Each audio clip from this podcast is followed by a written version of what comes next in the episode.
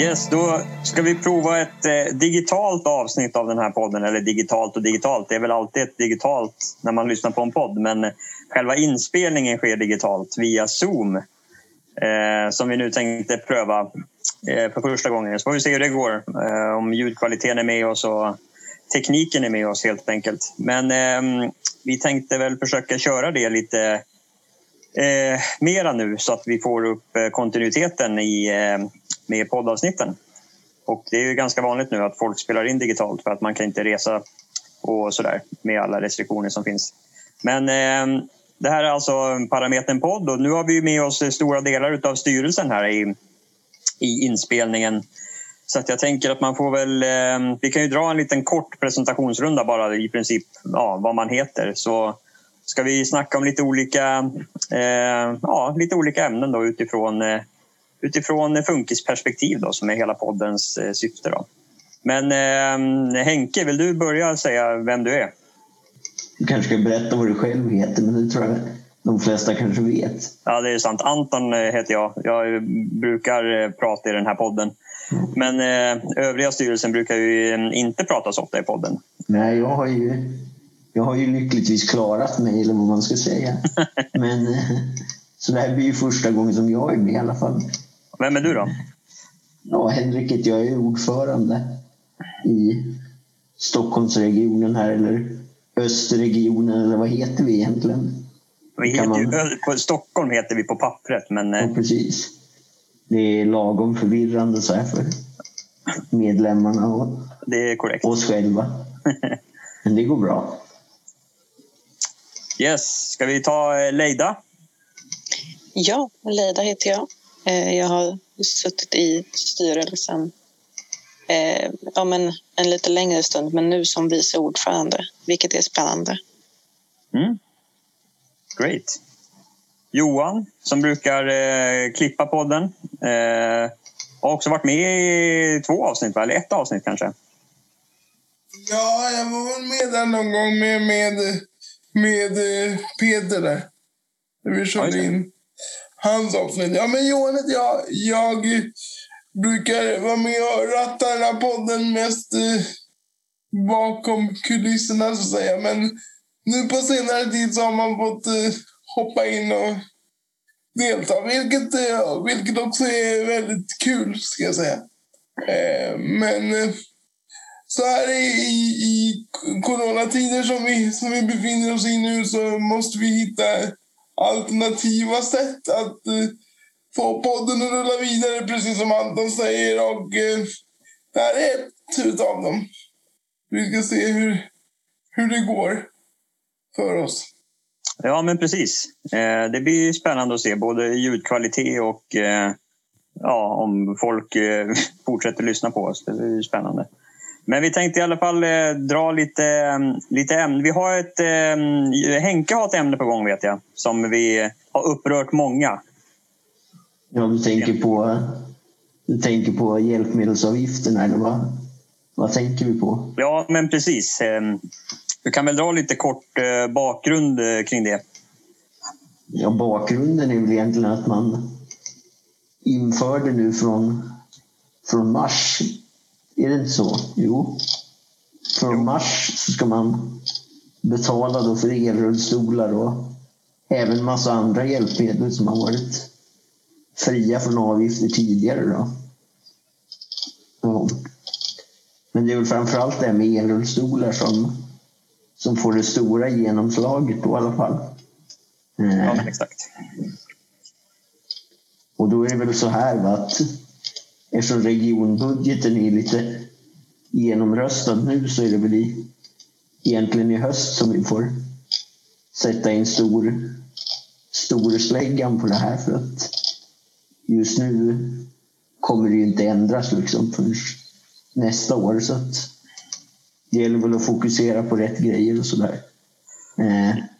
Ja, men precis. precis. Ehm, vilka, alltså, själva föreningens ståndpunkt är ju att eh, det här är ju helt eh, galet. Framförallt av principskäl. Att, alltså, pengarna i sig är ju inte det stora här utan det är ju liksom principen att man ska behöva betala för sin frihet eller sin rörelsefrihet. Liksom. Det är det som föreningen liksom ställer sig emot. Inte mm. själva 500-lappen som det kostar eller vad det nu kostar beroende på vad det är för något. Det känns ju lite som att man har bestämt en avgift bara för att eh, lite bara för att alla andra regioner har en avgift. Och då sitter det väl såklart folk och lyssnar på det här utanför Stockholm som tycker att vi har minsann haft avgift i flera år men det har vi inte haft här som tur är. Då. Eh. Men det är lika principiellt fel oavsett vilken region det är. Det skulle, alltså, vi hade Stockholmsregionen verkat aktivt i någon annan alltså, aktivt i någon annan region så hade vi varit arga på det här också. Ja, precis. Men nu är det bara att vi är som vanligt lite hemmablinda här i Stockholm. Så, ja, men precis. så då, får väl, då får väl övriga Sverige sitta och sura lite på oss. Men så är det. Yep. Vi är som vanligt själviska här. Så att, Exakt, ja. det är så vi jobbar. Ja.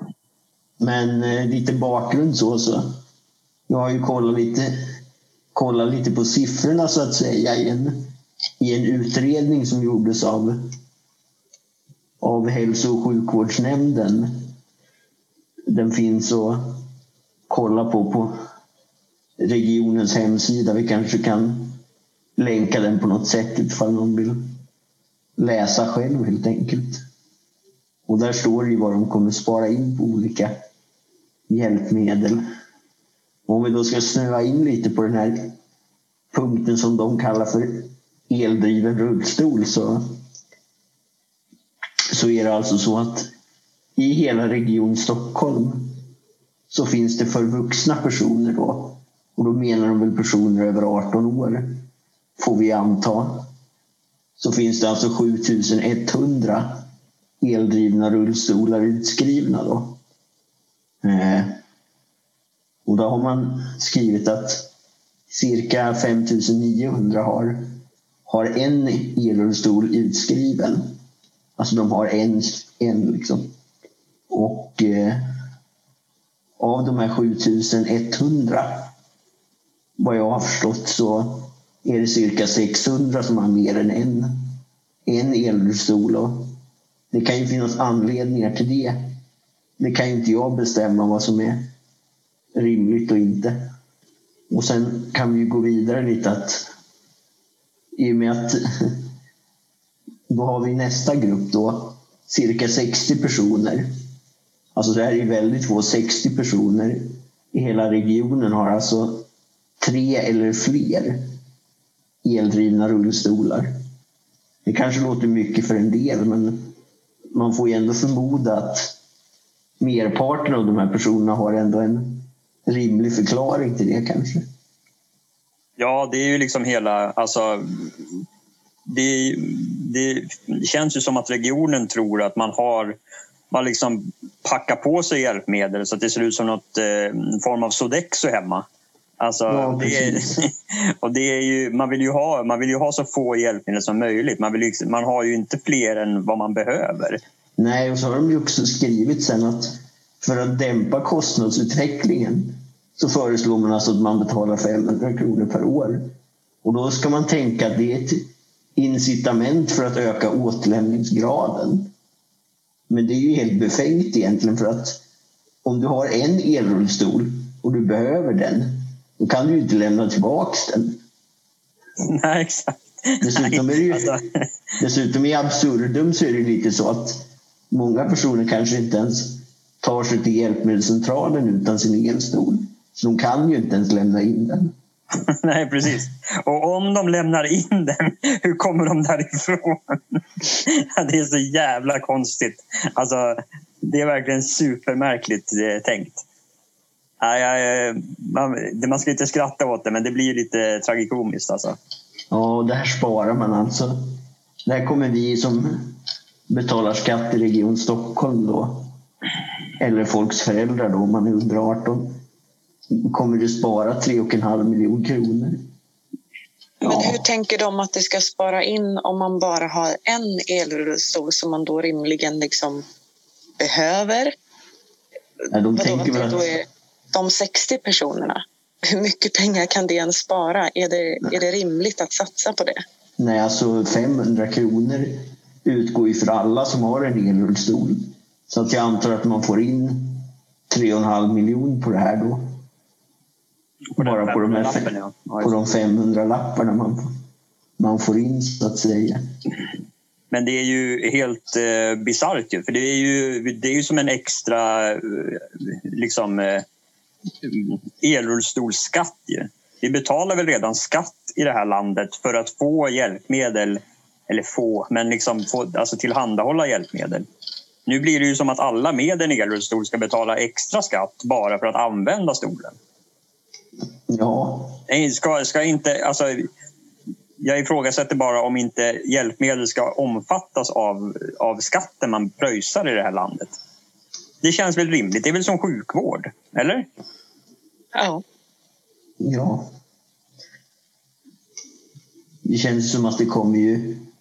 Jag tror inte att i princip den enda skillnaden som kommer bli är väl att folk får mindre pengar att lägga på annat. Egentligen. Ja, precis. Och jag menar gruppen som har använder någon form av elrullstol eller ja, dess familjer om man nu är under 18 år har ju oftast inte så jättefett med stålar. Nej, det finns nog många som lever på marginalen. Särskilt om du tittar på... Det kan ju vara folk som har dålig ekonomi men men fan, studenter kan ju inte... Det är inte så kul att få en extra 500 liksom. Nej, Den precis. hoppar man ju gärna över. Ja, exakt. Och sjukpensionärer och det är många som ja, har det svårt ekonomiskt i våra, vår situation. Liksom. Det som stör mig mest är väl det här att man tycker att man verkar se det som en lyx att ha en elrullstol. Det är inte direkt så att vi har något val. Nej, vi hade nog gärna sluppit om vi hade kunnat. Ja, precis. Ja, verkligen. Ja, det är jätte... Det är så märkligt eh, tänk bara. Att man, ska, att man väljer att liksom inte gå på, men alltså att man väljer, att, att man väljer den här gruppen och försöka hova in stålar ifrån. ja, det är ju verkligen fel grupp att rikta in sig på, tycker jag. Det är ju superkonstigt. Ja, alltså jag ser det lite som att det, det, det är ett sätt att, att flytta skattemedel på något sätt. Det, det, det som kommer hända är att folk kommer försöka baka in den här summan. Nu är inte den så stor, men att man försöker baka in det i någon typ av handikappersättning eller annan, annan ersättning från, från eh, Försäkringskassan. Eh, Ja, det kan ju hända i och för sig. Det är sant. Ja. Så det, det, det, jag, det är därför jag säger det, det, det, jag ser det som ett sätt att flytta skattemedel från, en- från en ficka till en annan. Egentligen. Ja, det är ganska vanligt. Folk, alltså det är ju supervanligt inom ja, all, all form av myndighet känns det som. Att man bara flyttar pengar mellan olika myndigheter. För att nej, vi vill inte stå för den här kostnaden. Nej, men det vill inte vi heller. Nej, men vi vill inte betala alls. Nej, vi, ja, men du vet. Och så är det någon som måste betala till slut och det är den som har sämst argument. liksom. Jo, jo, Som bara precis. åker på att pröjsa till slut. Men alltså, jag vet inte hur mycket utslag det skulle ge. Jag menar, det, är- det är 500 kronor om året. Men ja, jag vet inte. Och fast om du har fler stolar då? Säg att du har ett behov av tre stycken elstolar. Då är det ju 1500 per år. Det blir ju ganska... Men då kanske de tycker att ja, men då har ju de som inte har pengar råd med det så då kanske man lämnar in en elstol. Men då har man ju inte, då har man inte fattat. Hjälpmedel är för att man har behov av det. Jo, precis. De verkar inte ha fattat det liksom. Nej, men exakt. Och då är det den som, har, man, har man fått en elrullstol förskriven då har man ju upp bevisligen ett behov. Det är ju där själva behovsprövningen ska, ska ske. Det kan ju inte ske om man har behov, alltså om man inte kan betala eller inte. Behovet sker ju liksom... Har du, måste du ha den här för att du ska kunna liksom ta dig fram och överleva?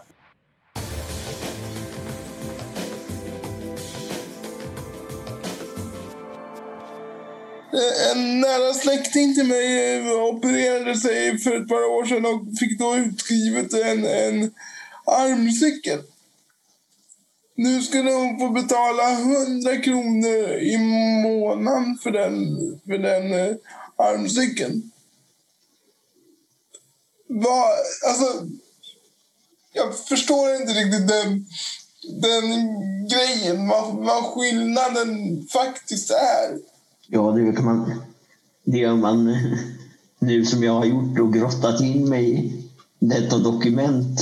Men där har man ju beskrivit att eh, man anser att man kan uppnå den träningen via fysioterapeut eller att man så att säga får gå till ett vanligt gym eller en vanlig träningsanläggning då, som alla andra människor tycker om. Det är i alla fall så det står beskrivet i, i, den här ut, i det här utlåtandet som det heter. Men det är ju också märkligt, man fick den väl förskriven av en anledning. Nu är det ju som att politikerna bara går in att nej men du ehm, har inte det här behovet kvar.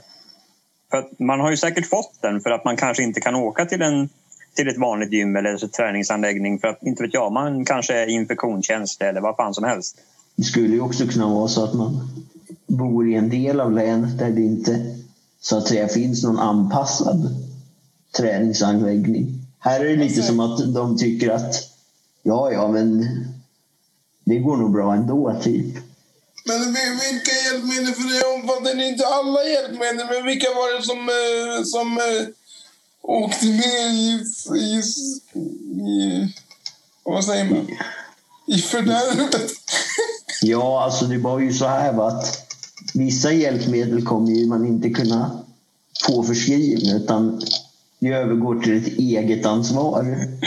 Det låter lite som Försäkringskassan har skrivit det här. Men eh, Bland annat så är det ju såna här typ anpassade bestick och sånt. Eh, kommer ju försvinna. Även så här muggar, glas. Ja. Det står också handsömnadshjälpmedel här. Jag vet inte hur många som har fått sådana. Men, men eh, det kan man alltså inte få förskrivet längre? Nej. Nej. Och inte saxar då. Sen är det lite andra grejer. Bokstöd och så vidare. Och någon läs och arbetsbelysning här. Jag vet inte. Vi vet ju liksom inte exakt vad det här är. Utan, ja. Nej, precis. Vi får väl hänvisa. Vi kan ju länka till den där, ehm, den där, det dokumentet du läser ur. Ja. Eh, när vi lägger ut det här avsnittet, ifall man är intresserad av att läsa mera ingående. Hur många sidor är det? Enkelt? Det måste vara ganska många sidor. Mm, jag tror att det är typ åtta sidor eller något. Ja. Väldigt liten text. Precis. Och då kan man inte läsa det om man inte har den där läslampan som man inte får förskriven längre. Nej, jag tänker... Framförallt är det svårt att navigera fram till, till det här dokumentet. Så att, eh, Ja, det var detektivarbete för att hitta det, eller? Ja. Sånt så där borde också göras mer tillgängligt. Ja, exakt. Det är... det är som att de gömmer det där. De, är så här, de skäms för att det de har beslutat. Ja, det här lägger ja. vi i någon låda längst ner under en bok bakom en penna. Liksom. Men det är klart de skäms över det där. Det, det måste liksom existera, men de vill verkligen inte få ut det. Precis. Ah, måste vi skriva protokoll på det här? Åh nej! Då kommer ju folk kunna läsa det här i efterhand. Men det är ju lite som att man har valt så här, bara, men, eh, i övriga regioner får man betala. Så då ska vi i Stockholm också göra det bara för att. Jag vet inte egentligen bara för att.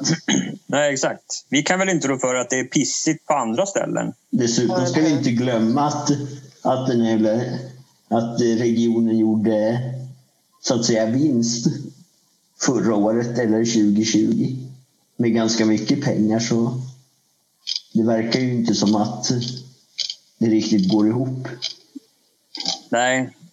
Givetvis är det väl så att vissa saker som har varit hjälpmedel tidigare och sånt kanske inte är det nu för att saker och ting blir modernare. Liksom.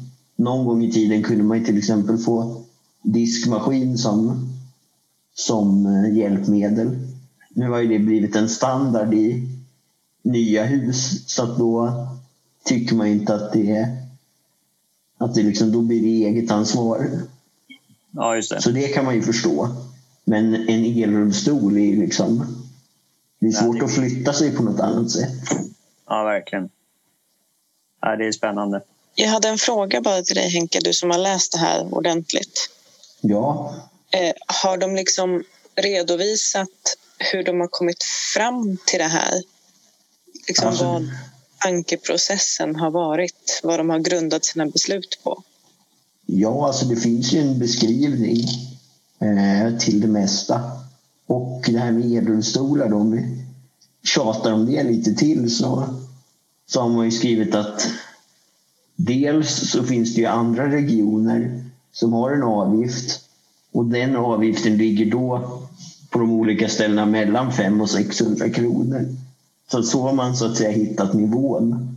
Men sen så, det man skriver att man inför det här är liksom ett incitament för att återlämningsgraden ska öka. Det är den-. Hur många den- har en rullstol som man inte... Alltså, vill man ha ett Sodexo hemma?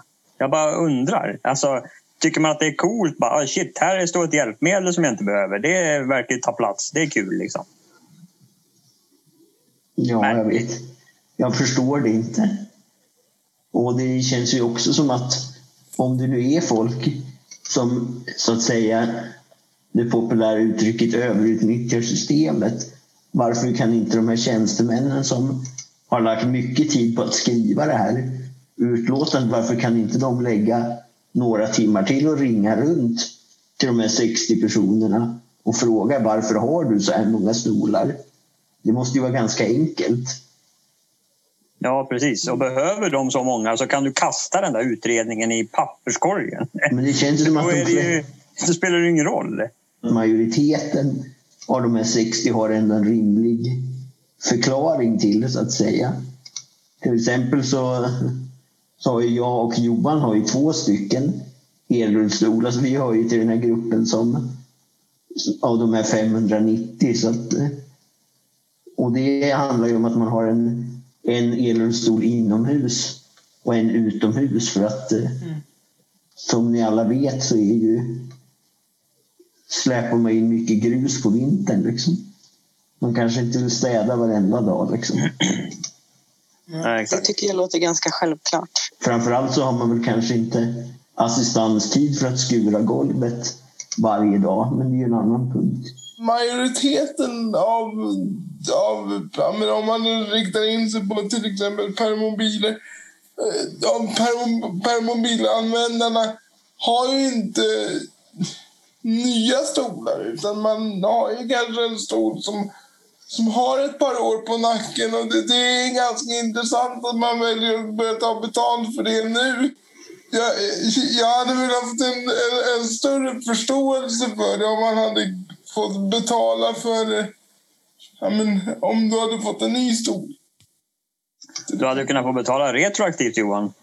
Hur hade det känts? 11 år med permon. Det är Ja. 500 gånger 11. Det är bara 5 500 kronor. Ja, det, Vilken den, hade- den hade svidit. vilken succé säger jag bara. Ja, verkligen. Nu ska vi inte få dem att få några idéer här. Nej, alltså. Ja. alltså jag läste ju det här och så kollade jag vilka som satt i den här hälso och sjukvårdsnämnden i alla fall. Och eh, jag som bor i Sollentuna då sitter i funktionshinderrådet här blev ju, blev ju ganska upprörd när man inser att det är folk som även sitter i den, det rådet i kommunen som sitter i regionen och röstar igenom sånt här. Då känns det ju som att de får ju, de får ju lite skämmas. ja, verkligen. Ja, alla ska skämmas. Menar, det, är ju, det blir ju liksom kollektiv bestraffning. Framförallt, nu säger vi inte att de här 60 personerna eller vad det var, att de överutnyttjar systemet och har de här stolarna som, inte vet jag, bara, inte vet jag, de kanske har dem som pallar eller blomkruksställ eller bokhyllor eller någonting. De kanske använder dem till något helt annat. Det, vi lägger liksom ingen eh, värdering i om de behöver dem eller inte. Men det blir ju kollektiv bestraffning om man så här, nu drar vi alla över en kam. Nu ska alla pröjsa bara för att de här 60 råkar ha tre stolar som de kanske behöver. Ja, Ska vi pröjsa 500 spänn för att de behöver tre stolar? Jo, exakt. Vi ska inte glömma att, att, att det kan ju faktiskt ha, man kan ju faktiskt ha ett behov av flera elrullstolar. Ja, exakt. Och är man svårt. skulle inte få stolen förskriven om du inte har ett behov av den. Nej, dessutom är det ju så att ska du få en till, om du har en elrullstol och ska få en till förskriven så måste ju du ha ett skäl. För att man får ju inte i Region Stockholm dubbelförskriva. Alltså man får inte ha två hjälpmedel som utför samma sak. Det får man ju inte ha. Nej, exakt. Och det har, då är det ju Sodexos eller Hjälpmedelscentral Syds eh, rutiner, eh, interna rutiner över hur de hanterar liksom, eh, registren över hjälpmedlen som måste ses över. De kanske inte framför- har någon koll. Ja, framförallt så måste ju känns det som att arbetsterapeuter och förskrivare, det kan ju vara andra personer också, men och eh, hjälpmedelscentralerna måste ju typ lite följa upp hjälpmedel också. Att man följer upp eh, vad man använder så att säga. För nu känns det som att man bara nu känns det som att man skriver ut. Sen tänker man inte på vad det får för konsekvens. Nej, exakt. Jag, jag eh, fick ju en ny permo efter min eh, hade liksom börjat ge upp efter 20 år. Eh, bokstavligt talat 20 år. Den var, han var med länge, gamla Bettan. Men eh, hur som helst, jag hämtade, hämtade hem den i början på januari. här. Eh, och sen eh, hade jag ett sånt där uppföljningsmöte, typ så här, inte var, ja, någon gång i februari med eh, eh, arbetsterapeuten som hade förskrivit den. Ett sånt eh, hur går det med stolen-möte, typ. Det kändes ju ändå bra att de liksom...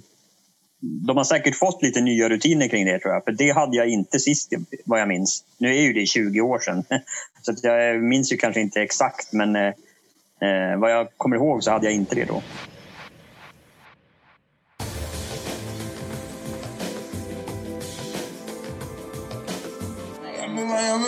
Vad- men vad, tänker, vad tänker du då? Alltså, vad, kan du dra någonting lite snabbt? Generellt tänker du eller kopplat till eh, funktionsnedsättning? Eller vad, vad tänkte du Leila? Eh, För tillfället faktiskt kopplat, alltså, kopplat till min funktionsnedsättning för att jag får eh, så mycket smärtproblematik. Mm. Eh, och ni vet ju att jag, alltså jag sitter ju inte liksom permanent i rullstol men jag tror egentligen att om jag ska liksom typ eh, jag vet inte, ha, ha en fungerande kropp om 20 år så behöver jag göra det då och då. Mm. Men det känns absolut inte liksom, möjligt överhuvudtaget att göra det under utbildningen fastän jag skulle behöva det. Nej. Så det är ju alltså, det är ju en väldigt liksom, personlig grej, så det är inte generellt. Men vad, vad, vad är det som gör att det inte blir möjligt? Eller vad? Ja, eh, dels att Alltså för att ta sig runt på Huddinge sjukhus så behöver man ibland ta en del genvägar. Och liksom hur, var man kan sitta och äta versus vart man ska, hur lång rast eller hur lång tid man har att ta sig till ställen. Det, det är inte optimerat om, om jag skulle använda rullstol. Och sen, det är liksom också ett annat problem att jag känner att jag är i någon slags gråzon eftersom att jag är ju inte liksom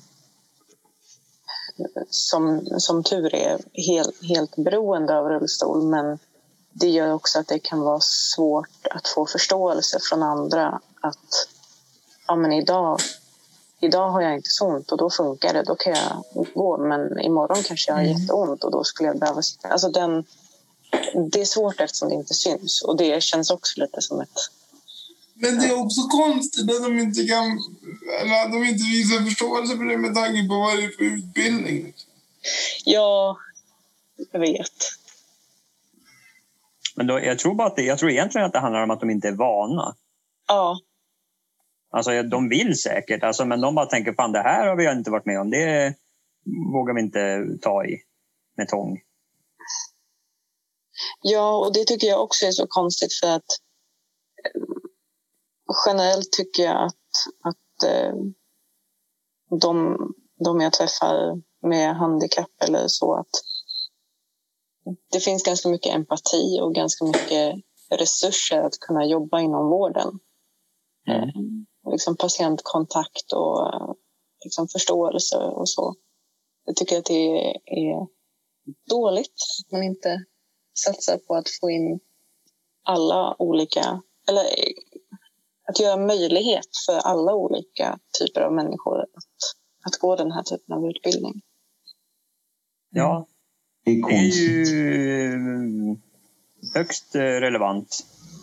Det är, jag tror också att det är som du säger att det blir liksom att det finns så att säga uppsidor för själva vården. Inte bara för dig som person att du ska ha möjlighet att gå vilken utbildning du vill utan att det finns även plus för själva vården. Att den, kan, att den till och med kanske blir bättre i och med att man har mer empati och förståelse för ja, de patienter man eventuellt möter. Då. Ja, just att man har man behöver inte ha varit i exakt samma typ av situation men man har varit i en liknande situation. Mm. Då har man en viss förståelse. Ja, precis. Och det skapar ju större förtroende för, alltså hos, eh, hos patienten.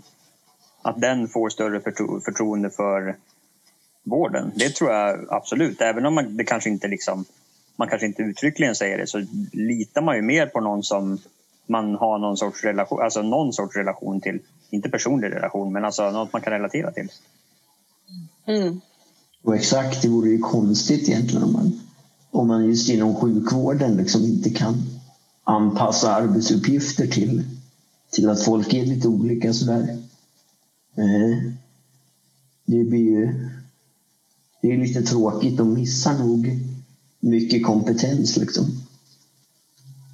Tyvärr. Ja, verkligen. Ja, det tror jag absolut. Jag tror att det är så inom många yrkesområden, inte bara inom, inom sjukvård och, och vården. Liksom. Jag tror att det är så på jättemånga, i jättemånga branscher.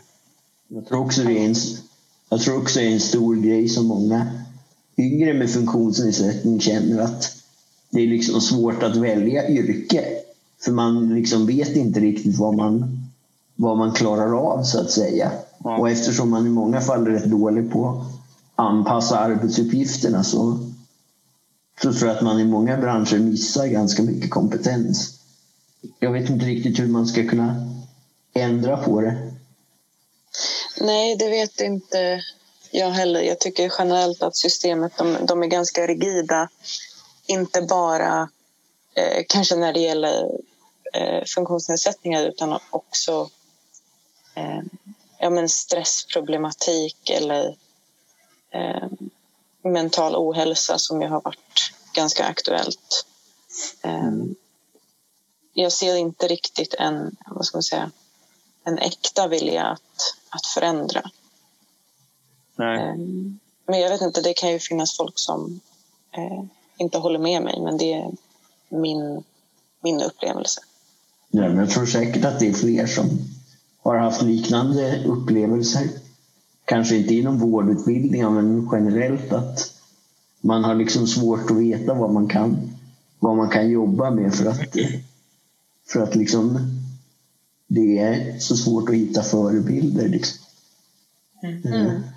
Till, exempel, till exempel kan det vara svårt för en... Alltså när jag har sökt jobb, jag har ju utbildning inom programmering och då hade jag ju svårt att få sådana jobb och då tänkte jag på vad kan jag söka för andra jobb och då tänker man ju sig typ teknikaffärer. Men sen kommer man ju fram till att det funkar inte. Men samtidigt så borde ju det kunna funka egentligen. Så det är väl mycket att man själv gör begränsningar liksom redan från början och då om liksom branscherna till och med ska vara svåra att anpassa yrket. Liksom. Då blir det ju extra svårt att hitta ett jobb. Mm. Ja, verkligen. Det var ju som vi pratade om i avsnittet med Peter Fahlström där att när han eh, skadade sig så jobbade han ju på någon sorts eh, eh, elhandel, alltså typ on-off eller expert eller vad det var. Um, okay. Och då tänkte han att det var helt omöjligt för honom att komma tillbaka dit. Men hans chef där var ju, eh, kom ju på sen att han var ju, det skulle ju vara kanon. För att då skulle han ju kunna liksom, han, tror, han trodde att han skulle kunna sälja ännu mer för att han satt i rullstol. du vet att det skulle bli någon sån här empatigrej. Att ja, köpa mig för stackars jag sitter i Du vet, att det skulle bli en sån grej. Kanske inte så, men han, han, var, ju, han var ju också väldigt kunnig. Så att han ville liksom ja. inte tappa den kompetensen. Först tänkte jag ju han som var chef där att tydligen så här, ja, nej men det här kanske blir svårt, hur ska vi göra det här? Bla, bla, bla. Sen kom man ju på att fan, det här kommer bli kanon. Men då hade ju mm. Palle redan valt att uh, göra något annat. Uh, om ni inte har hört det, lyssna på det avsnittet. Kanonavsnitt. Med mm. mig, uh, Bramstång och Peter Fahlström. Lysande. Yep. Tips från uh, podden. Ja, jag tänker på det här med jag tänker på det här med att jobba i butik. Det måste ju kunna funka ganska bra i rullstol. För man kan ju typ ställa sig mitt i gången så kan ju ingen gå förbi. Jag tänker lite på den här äh, båten som satt fast där. Ja. Om vi tänker på båten som satt fast i Suezkanalen så ja, kommer ju ingen förbi. Det kanske funkar bra. Tänk om man jobbar som, som det här och så har man permobil då. Så ställer man sig bara mitt i gången där. Det är svårt att undvika försäljaren då liksom. Ja, exakt. Ja, det, ja. det är sant i och för sig. Det är kanske är ett dåligt sätt att sälja på, men... Nej, jag vill inte köpa. Nej, du får inte komma förbi om du inte köper. Jag tror att Leida sätter liksom fingret på, på någonting bra där. Så jag tror också att det är fler som har samma erfarenhet. Liksom. Ja, det tror jag också. Jag, jag tror att det är skitbra. Eh, om man, eh, vi kan ju säga så också att om det är så att man känner igen sig i det Leida pratar om får man gärna höra av sig till podden. Eh, vi har ju en eh, Parametern-podd har ju en mejladress, parameternpodd gmail.com. Eh, den kan vi också länka till om man inte kommer ihåg vad jag sa eller lyssnade. Så eh, kan man ju klicka på den länken och så kan man skicka ett mejl och så får man gärna berätta hur man upplever sin utbildnings eller arbetssituation kopplat till funktionsnedsättning. Det vore mm. spännande att höra. Ja. Man får gärna vara med i podden också om man känner för det. Vill berätta sin historia. Ja, men absolut. Det är, vi är öppna för allt. Ja, visst. Här stänger vi inga dörrar.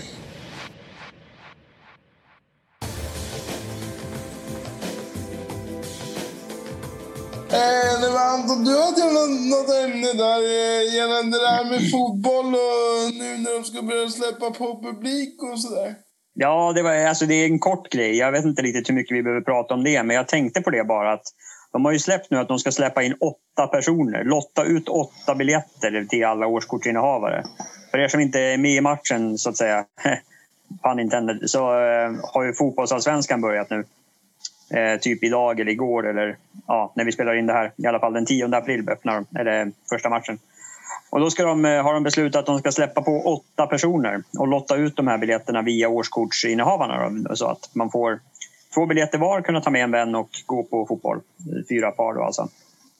Men hur funkar det om, en, om man har årskort? Jag har årskort till exempel på AIK. Eh, hur funkar det om jag hade haft assistent? Hade det räknats som två personer då? Så att jag inte får ta med någon kompis på min andra biljett, eller liksom på, två, på den andra biljetten. Ja, alltså rent teoretiskt så verkar det som att om de skulle neka assistenten som att det blir lite diskriminering men samtidigt så är det ju liksom situationen är ju som den är så att säga. Jag vet, men... så att man kanske inte kan man kanske inte kan klaga allt för mycket.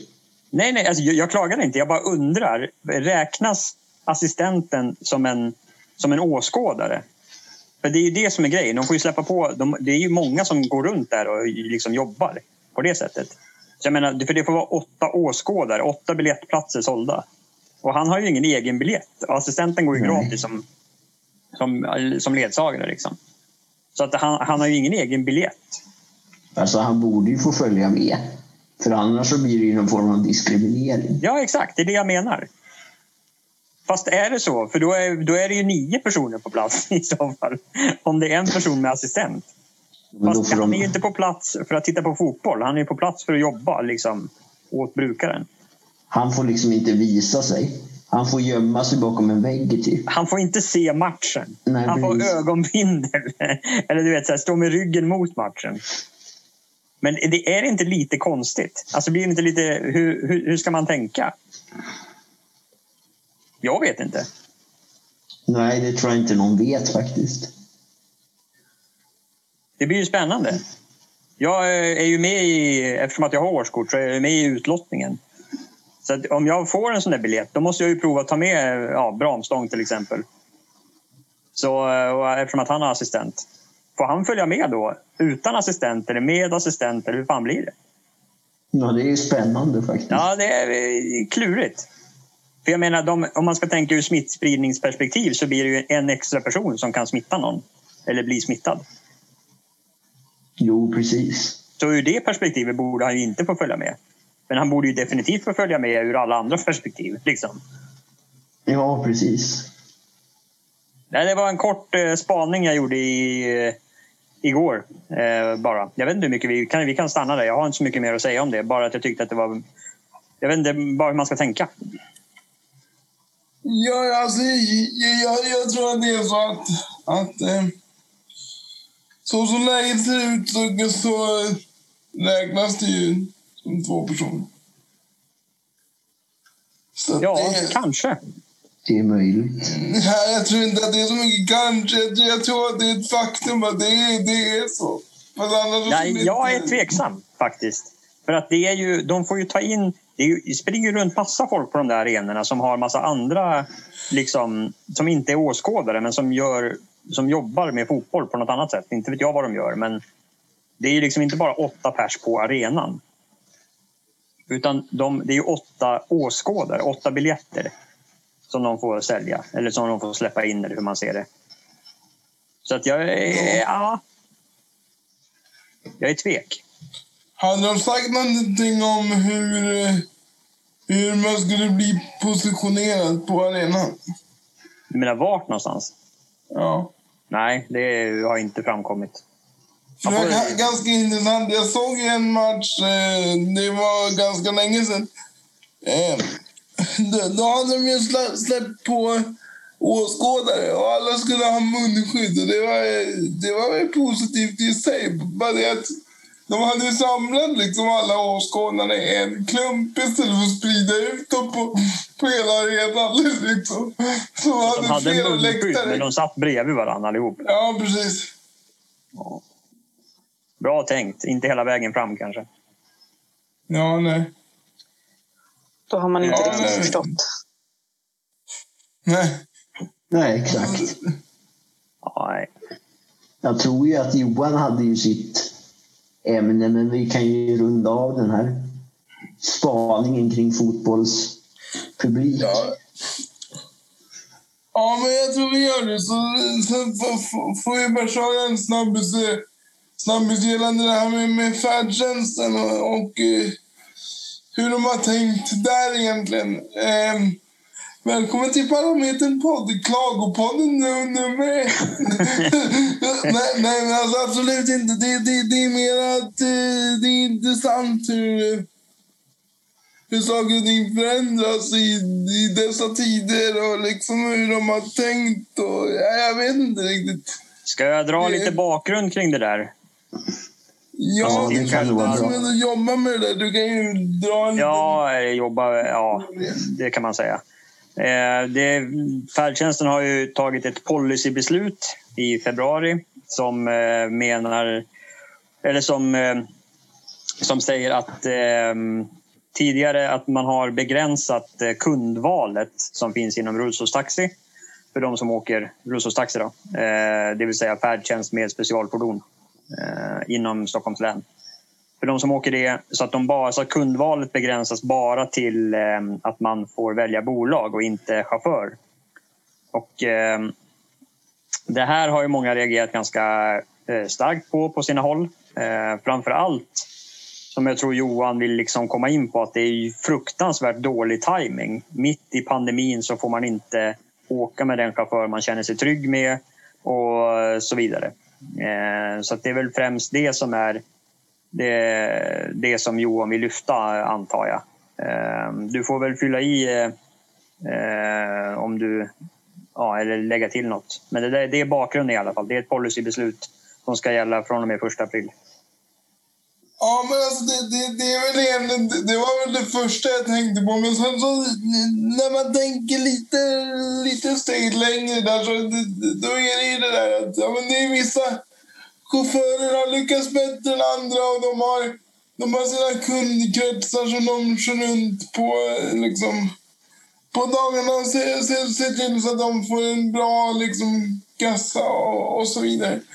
Medan det finns andra chaufförer som sitter och, och eh, väntar på körningar och så kommer inga körningar för det är ingen som åker för att det är corona. Alltså, jag tänker att det är någon sån grej också att, att, eh, att man vill eh, man vill, ge, man vill ge alla samma chans till, till, till körningen så att säga.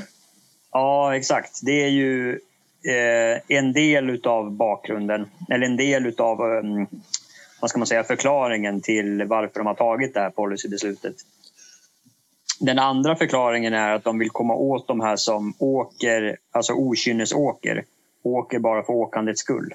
Och det är lite samma tanke som vi var inne på med eh, hjälpmedlen.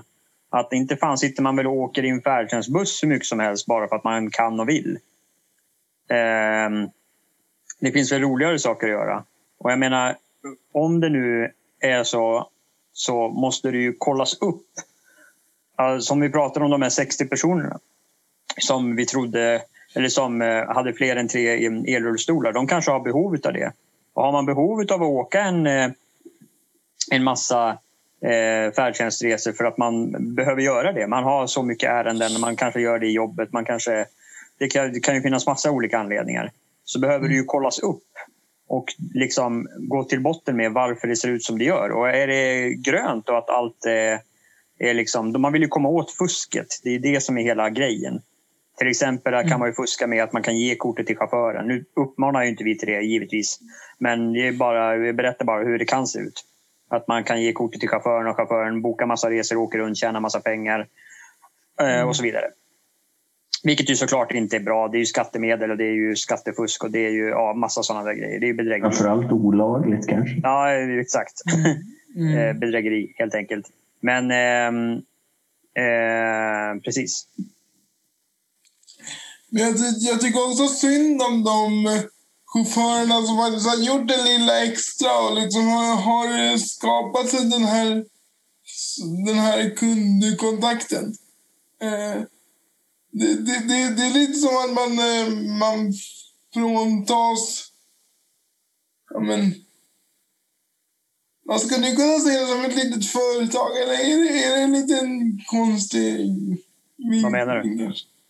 Nej, alltså, jag, jag tänker att okej, okay, nu ska jag se till att jag klarar mig och jag, jag tjänar mina pengar. Hur gör jag det på lättast sätt? Jo, men jag är trevlig och tillmötesgående mot mina kunder så att de vill åka med mig igen. Det är, det är lite som att ja, men, jag, jag lägger mig på en prisnivå där, där kunden vill köpa min produkt igen. Alltså, ja, men jag fattar. Med, ja. nu, men nu finns det liksom inga såna incitament förutom att, det är liksom att man ska vara trevlig bara för att, man, bara för att det är folkvett. Liksom. Jo, jo, men... För att nu får ju alla sina körningar, alltså oavsett, det, det finns ju inget ja, så att säga, valet av chaufför är ju borta. Därför kommer ju alla körningar på utropet och så alla får dem via köplats. Liksom. Samtidigt så är det väl så att vi får inte glömma bort att färdtjänsten får ju inte bli någon privat taxi. Nej, så är det På något sätt. För att det blir ju lite dumt också på så vis att att om man åker bara med en chaufför så kan det ju vara så att det blir liksom brist på färdtjänstbilar i ett visst område och så vidare. Bara för att det är en som sitter och åker liksom en timme för att hämta upp en person. Så att eh, ja, precis. på sätt och vis, på så vis tillgången till färdtjänstbilar så kanske de har rätt men tajmingen är dålig. Dessutom var det ju så här också att att man har tagit bort möjligheten till sådana här fortsättningsresor. Vad jag har förstått. Ja, Vilket innebär att om man ska åka och göra ett innebär att om man ska åka och göra ett kort ärende som tar kanske fem minuter så går inte det. Utan det måste vara 20 minuter mellan varje åkning. Ja, exakt. Eller, alltså, det, får ju vara, det får ju vara fem minuter, men du måste boka en ny bil. Och det blir inte samma chaufför som, som, fick, som du körde dit dig. Nej, precis. Vilket gör att det blir väntetid för framförallt väntetid för den som ska åka och göra ett ärende liksom som andra personer kanske inte har haft. Samtidigt så är det ju ändå... Ja, jag vet inte riktigt hur man ska... Nej, alltså, men det, blir ju, det är ju en, en försämring eftersom att vi har haft fortsättningsresor tidigare. Att man kan åka, inte vet jag, posta ett brev vid en brevlåda om man nu bor långt från brevlådan. Åka dit och sen vända och åka tillbaka med samma chaufför i princip. Och så att eh, nästa, alltså hemresan bokas upp på den chauffören så han bara kan köra dig till brevlådan, du postar brev och tillbaka. Nu finns inte den möjligheten utan nu måste man åka dit, boka en ny resa på en ny chaufför och vänta på den ur bilen, in i nästa bil och hej då. Liksom. Så att det blir ju en försämring mot vad det har varit men det kanske inte är helt jätteorimligt om man tänker efter. Jag menar om man jämför med vanlig kollektivtrafik så måste ju den personen vänta på nästa buss. Det är sällan den personen hinner springa liksom, ut ur bussen, springa och posta brevet och hoppa in i samma buss igen. Nej, det blir svårt alltså. Då ska brevlådan stå vid busshållplatsen. Ja, eh, å andra sidan så kan man inte hoppa på samma buss för den fortsätter ju om det inte är vändhållplatsen. Ja, skitsamma. Ni fattar vad jag menar. Det blir konstigt. Liksom. Ja. Eh, men eh, vi får väl helt enkelt bara tacka så mycket för att ni har eh, lyssnat. Och så återkommer vi förhoppningsvis i digitalt format inom en snar framtid den här gången. Inte som vi brukar hålla på och dra ut på det och ja, återkomma inom ett halvår. Nu försöker vi Ja, köra det här i alla fall en gång i månaden tänker jag. Mm, vi, kan väl, vi kan väl också säga, uppmana folk att delta på vårt årsmöte och, och så vidare. Det är ju ganska snart. Ja, det är korrekt. Den 24 har vi årsmöte. Får ni gärna delta digitalt givetvis via Zoom. Kommer det beslutas ny styrelse och hej och hå. Ja, Ehm, handlingar kommer skicka, skickas ut och läggas upp ehm, inom en vecka. Blir det va? Nästa fredag senast. ja, jag tror det. Eh, så det är ni ju välkomna eh, på. Verkligen. Ja. Eh, vi tackar väl så mycket för det va? Så eh, hörs vi nästa gång. ja. Och nu, Ja, tack och adjö.